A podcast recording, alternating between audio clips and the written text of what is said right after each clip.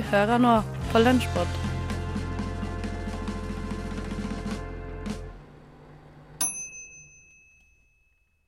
Din favorittpodkast Lunsjpod her fra Radio Nova. Og i studio finner du meg, ansvarlig redaktør Ådne Feiring, og fagsjef Stine Spjelkavik Hansen. Som vanlig. Som vanlig, uke etter uke. Uke etter uke står nå- vi her. Nå har vi kommet til uke 42 for de av dere som bryr dere om ukenummer. Som, som vi gjør her i Radio Nova. Ja, Det er liksom oss i Radio Nova, og så er det barnehager. Det er de som bryr seg om ukenummer. Livet styres etter ukenummeret. Ja, det gjør det. Og hvis du lurer på hvilket ukenummer det er, så er det bare å gå inn på hvilket ukenummer er det.no, så får du det der. Det er en av mine best besøkte sider. Samme her.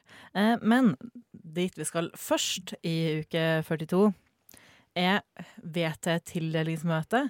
Eh, I notatet mine her så har jeg skrevet sirkus, mayhem, kaos. Eh, mange ord kan beskrive dette møtet. Jeg har ikke vært der sjøl, så det er veldig lett for meg å si. Eh, Men eh, Ingar Jakob Feiring fra Studentnyhetene, han var der, og nå skal vi høre det han lagde fra det. Og så vil jeg bare legge til at VT, for den lytter som ikke er kjent med studentpolitikk, det står for Velferdstinget. Så skal vi gå til eh, saken tildelinger. Denne uken var Velferdstingets årlige tildelingsmøte, der representantene i VT tok stilling til hvor mye penger de ulike studentregningene skulle få i støtte i for 2020. Diskusjonen gikk eh, rimelig rolig for seg, men enkelte representanter gikk hardt ut mot universitas.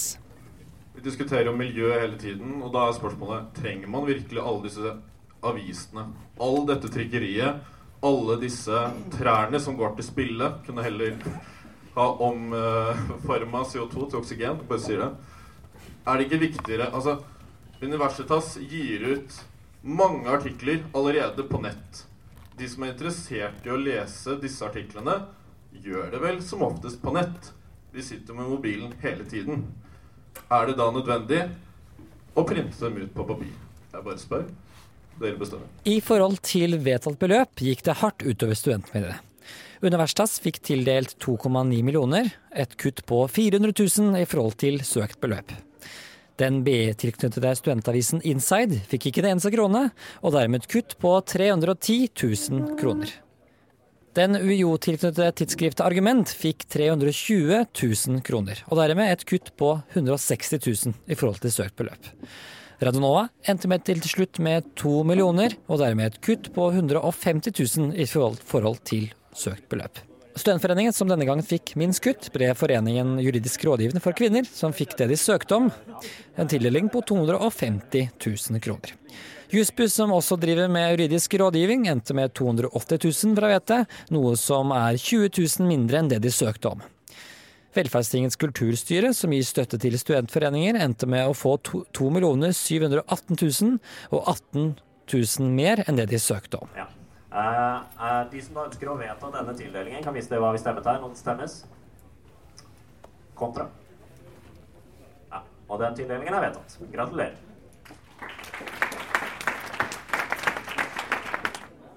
Det var jo en god del oppramsing av tall. Eh, Men dette var i hvert fall de summene som de ulike organisasjonene endte opp med etter Velferdstingets møte. Og det var da eh, nyhetsredaktør Ingar Jakob Feiring som har laget eh, det innslaget. Ja, bror din fra Studentnyhetene. ja, det er broren min, det stemmer det. Ja, vi skal over til, fra nyheter til teambuilding. Ah, teambuilding! Ingenting er som teambuilding! Nei, Og hvor har du vært på teambuilding nå, Stine? Jeg har ikke vært noe sted. Eh, Nei, det er for dårlig. Ja, det er altfor dårlig. Men frokost, nemlig bestemt onsdagsgjengen uh, til frokost, var på Tusenfryd for å bygge lagmoral og bli bedre kjent. Uh, men vi kan jo bare høre hvordan det gikk. Vi er jo et relativt nytt sendeteam her på onsdagene, Theis, Christian og Sigrid. Eh, Og vi tenkte å bli bedre kjent eh, ved å dra sammen til Tusenfryd fornøyelsespark. Fordi meg og Sigrid er veldig glad i aktiviteter, karuseller og sånt. Heis, du er ikke like Nei, entusiastisk altså, for det. jeg, jeg liker det som er innenfor min komfortsone. Ja, som ikke er det mest ekstreme. Det fikk vi jo merke, og vi dro uh, dit uh, egentlig for å oppleve det skumle, fordi det var halloween-tema og sånn, men også for å ta litt uh, karuseller. Eh, og det ble noe av begge deler, men eh, det, det ble en demper på det hele pga. en gitt situasjon. Det er noe tatt- annet vi husker best. Ja, det er noe annet som sitter igjen. Det er ikke det skumle som er best igjen. Og tenk vi kan høre litt på hvordan vår reise var der.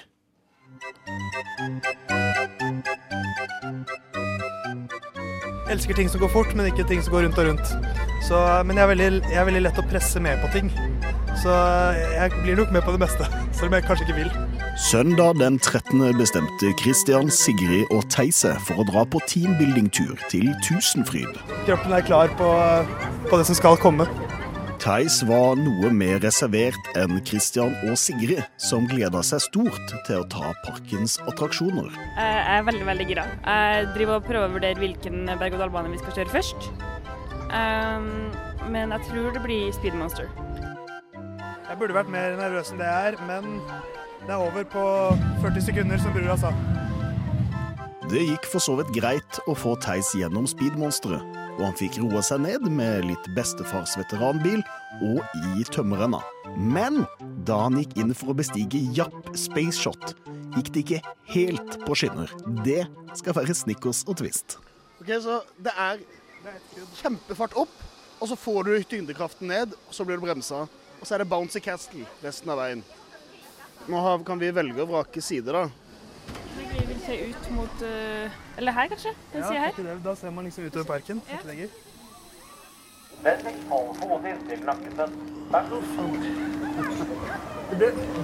mer ubehagelig med en gang man ja, merket at det var ikke høy og lav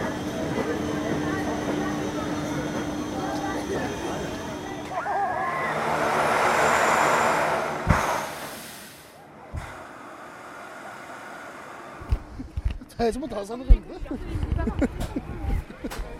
det var gjort å le så mye som mye. Nei. Der, der fikk Theis en knekk.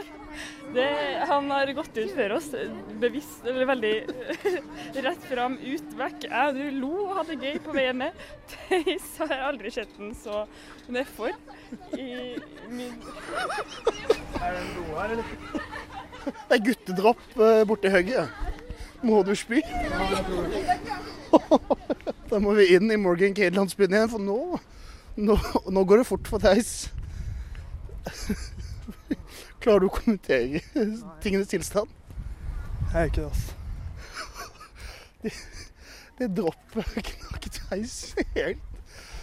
Altså, Det står jo ved varselplakaten at du skal være forsiktig med å intervjue folk i en sårbar posisjon. Og det er Theis nå. Så jeg skal ikke jeg, jeg har jo lyst til å bli med på do, jeg har jo det, for å høre om han faktisk spyr Jeg må bare inn.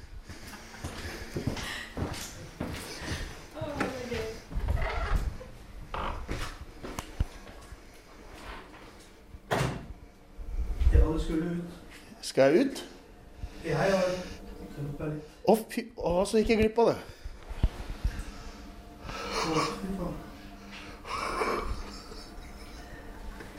Ja, det er jo noe.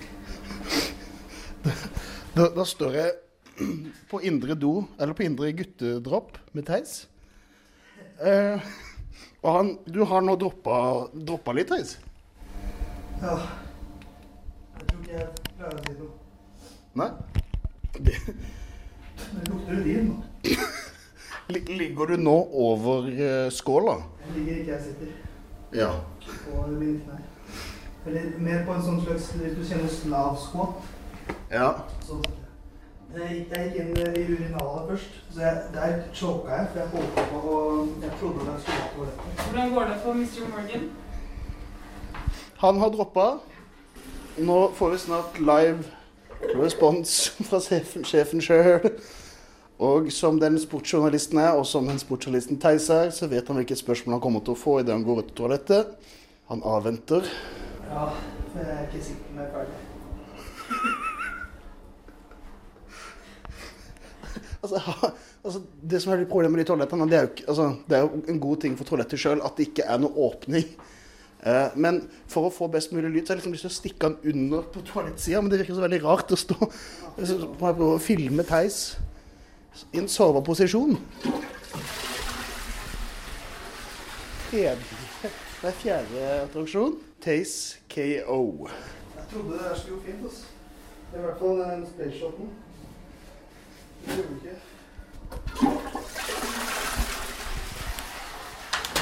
Ja, hva føler du nå? Eh, sorg. Det kvaler meg fortsatt. Ja. Sånn at jeg kanskje ikke er helt ferdig. Ja, du kan ikke være ferdig. Med å kaste opp, mener jeg. Ja, ok. Så jeg tror du skal gå ut, det. Ja. Det er jo ganske bra, eh, vil jeg si. Savna bare lyden av at jeg spyr, eh, men eh, vellykka, var det ikke det? Jo, samtidig må jeg jo innrømme at jeg blir jo kvalm bare av å høre dette innslaget. Det er én eneste attraksjon på Tusenfryd jeg ikke tar, og det er Japp Space Shot. Ja, men altså, jeg har høydeskrekk, så det er derfor jeg, har dødsangst hele tiden mens jeg er på Tusenfryd. Men det er veldig artig med fart, da. Det er Så det, det, det er vanskelig. Det er mange motstridende følelser. Man, jeg skjønner at man blir kvalm. Jeg syns veldig synd på Theis. Ja. Jeg gjør det.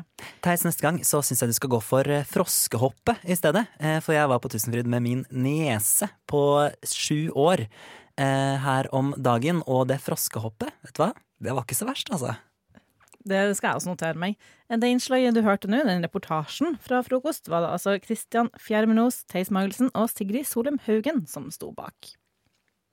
Men nå så skal vi fra underholdning i form av fornøyelsesparker til kunnskap i form av Store norske leksikon. Eh, jeg veit ikke hvor mye du er på snl.no om dagen, Stine? Ikke så mye, men det hender. Det hender. Du har ikke leksikon stående i bokhylla lenger, kanskje? Ikke et sånt leksikon, nei. Nei.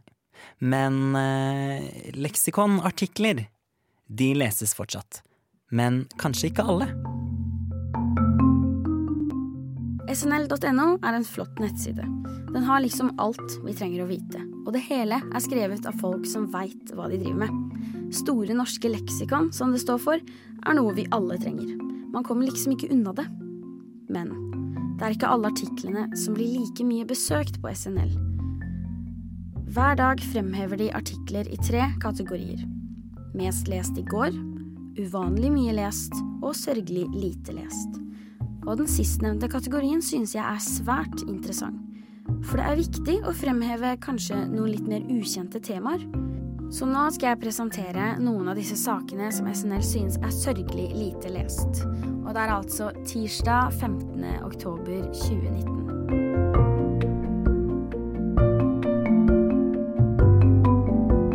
Det første vi skal høre om, er den italienske maleren Sofonispa Agisola, født i 1532.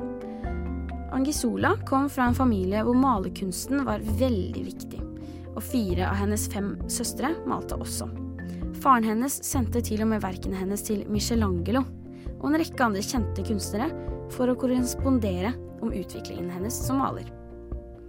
Pga. at Angisola kom fra en adelig familie, var det ikke mulighet for henne å leve av å være maler og selge bildene hennes på den normale måten. Det var nemlig et mannsyrke. Hun oppholdt seg en periode ved Gonzaga-hoffet i Mantova, hvor hun fikk vise frem sine maleevner.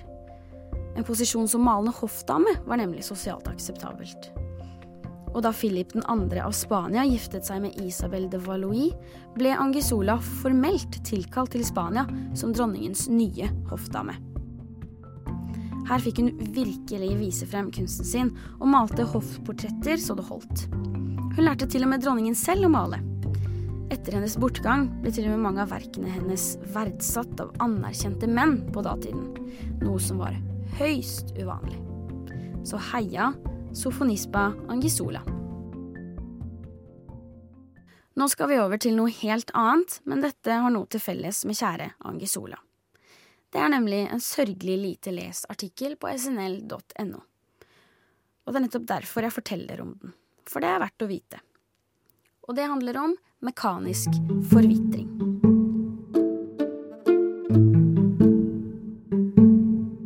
Forvitring i seg selv betyr å nedbryte f.eks. bergarter og mineraler med ytre krefter. Det finnes to typer mekanisk forvitring og kjemisk forvitring.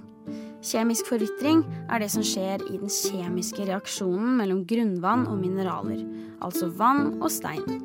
Men dette er ikke det vi skal snakke om, for vi skal snakke om den andre typen, altså mekanisk forvitring.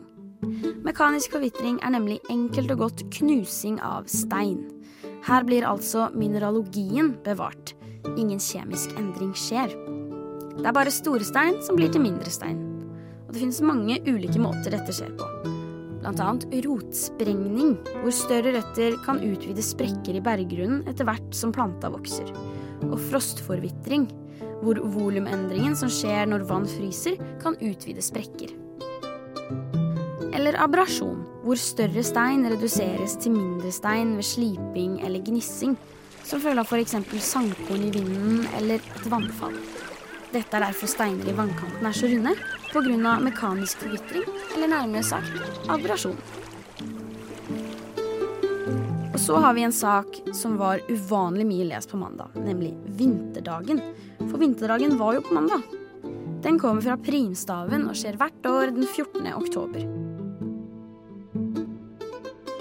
Dette er altså dagen vintersiden av primstaven starter på, så nå er det vinter. Og den varer helt frem til 14. april, når sommersiden kan snus frem igjen.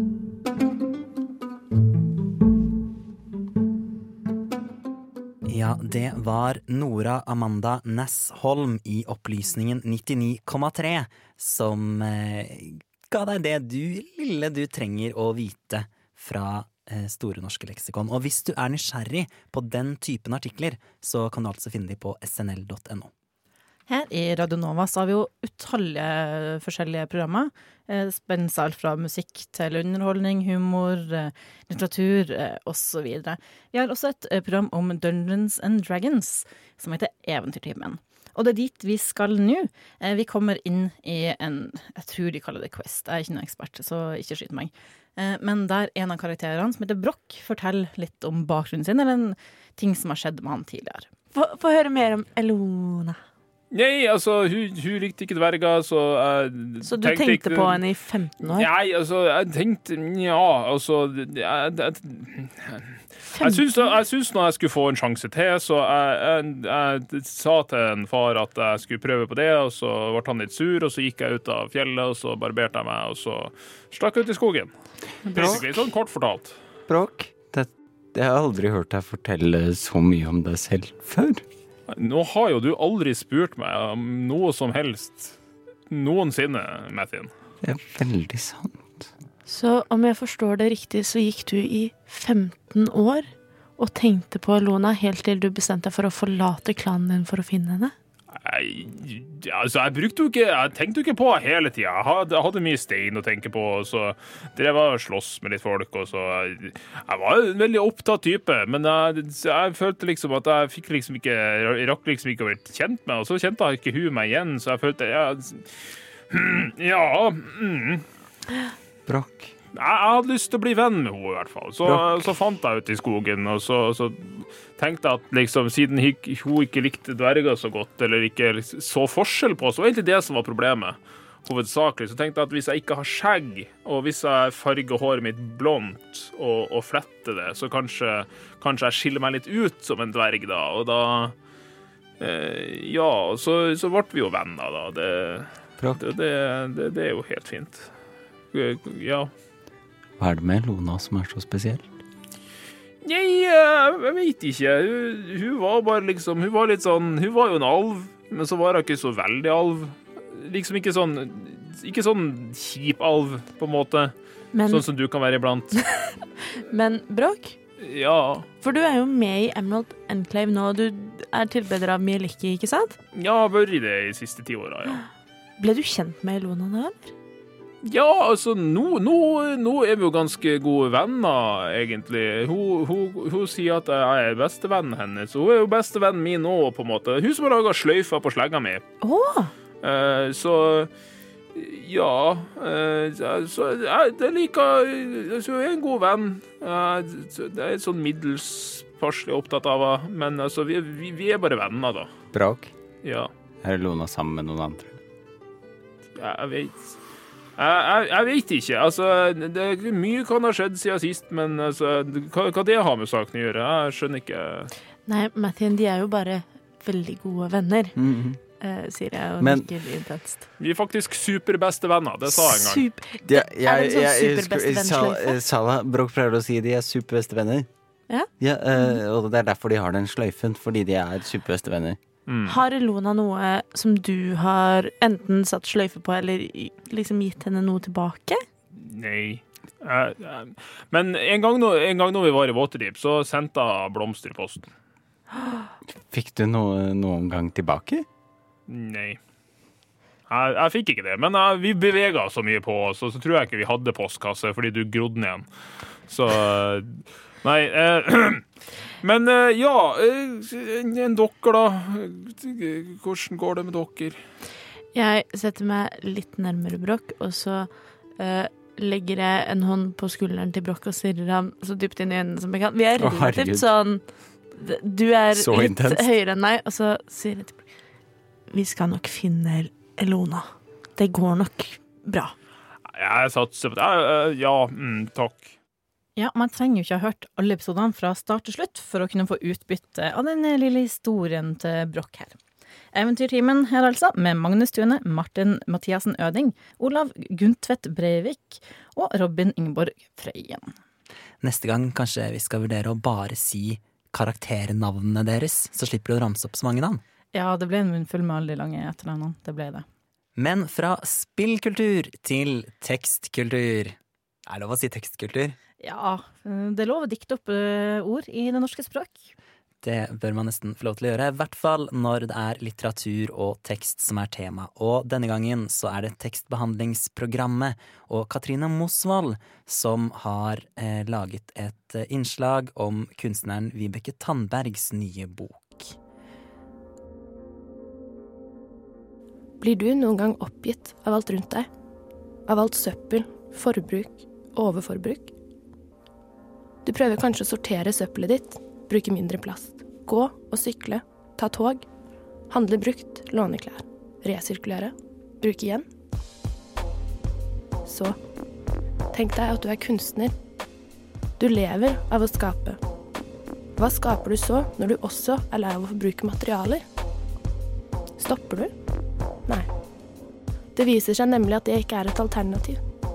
Å være kunstner er ikke noe du gjør, det er noe du er, også om du ikke mener å skape. Det uttaler i hvert fall kunstner Vibeke Tandberg i sin nyeste bok Uvilje. Et essay hvor hun leder oss gjennom sin kunstnerhistorikk og introduserer oss for sine egne og andres tanker om ting skapt av både henne selv og andre. Et gjenbruk, med andre ord. Vibeke Tandberg er en norsk kunstner som har stilt ut internasjonalt siden 90-tallet. Hun er kanskje best kjent som billedkunstner, men hun er fleksibel i uttrykksform og har siden romandebuten i 2012 skrevet og utgitt flere bøker, med noe blandet mottakelse. I Uvilje reflekterer Vibeke over hva hun mener er hensikten med kunst, om det i det hele tatt er en hensikt, og utforsker hva som vektlegges som mening og vilje i kunsten og i ordet. Vi får bli med til Japan, der hun har fått låne et hus og reist for å arbeide. Vi blir introdusert i huset, nærområdet og Vibekes praktiske gjøremål og tidsfordriv mens hun er der. Samtidig ledes vi inn i den tankeverdenen hun går og surrer i.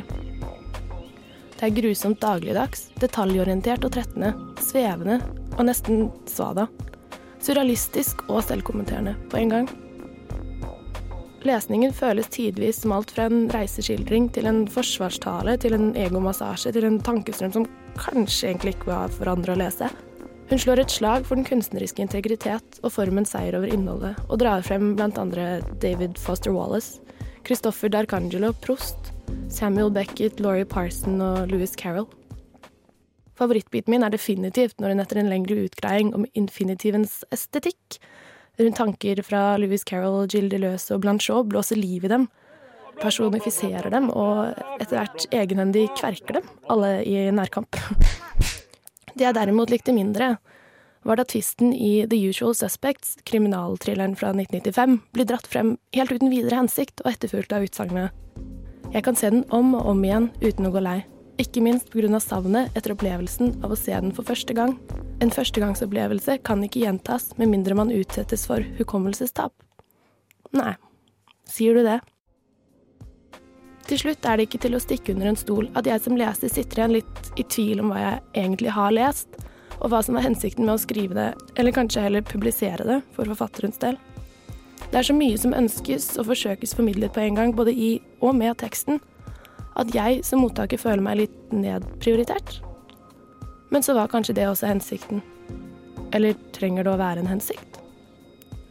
Og for meg, som igjen kan dele noe av Vibekes sans for det meningsløse, går det egentlig helt fint. Selv om jeg til tider irriteres av hennes nesten narsissistiske forhold til egen kunst og tanke, er det interessant å få innblikk i de daglige refleksjonene fra en hverdag ganske fjern min egen. Og om ikke annet sitter jeg igjen med en god liste av annet å utforske videre i stedet. Det var altså Katrine Mosvold i tekstbehandlingsprogrammet om Vibeke Tandbergs nye bok Uvilje, og det var altså det siste vi hadde å by på i Lunsjpod for uke 42. Jammen var det det, men hvis du scroller deg litt lenger ned i den appen du bruker for å høre på oss, ja, så finner du mange episoder av Lunsjpod. Så bare å slå seg løs. De går aldri ut på dato. De gjør ikke. Vi høres eh, neste uke, vi, med en ny episode av Lunsjpod her fra Radio Nova.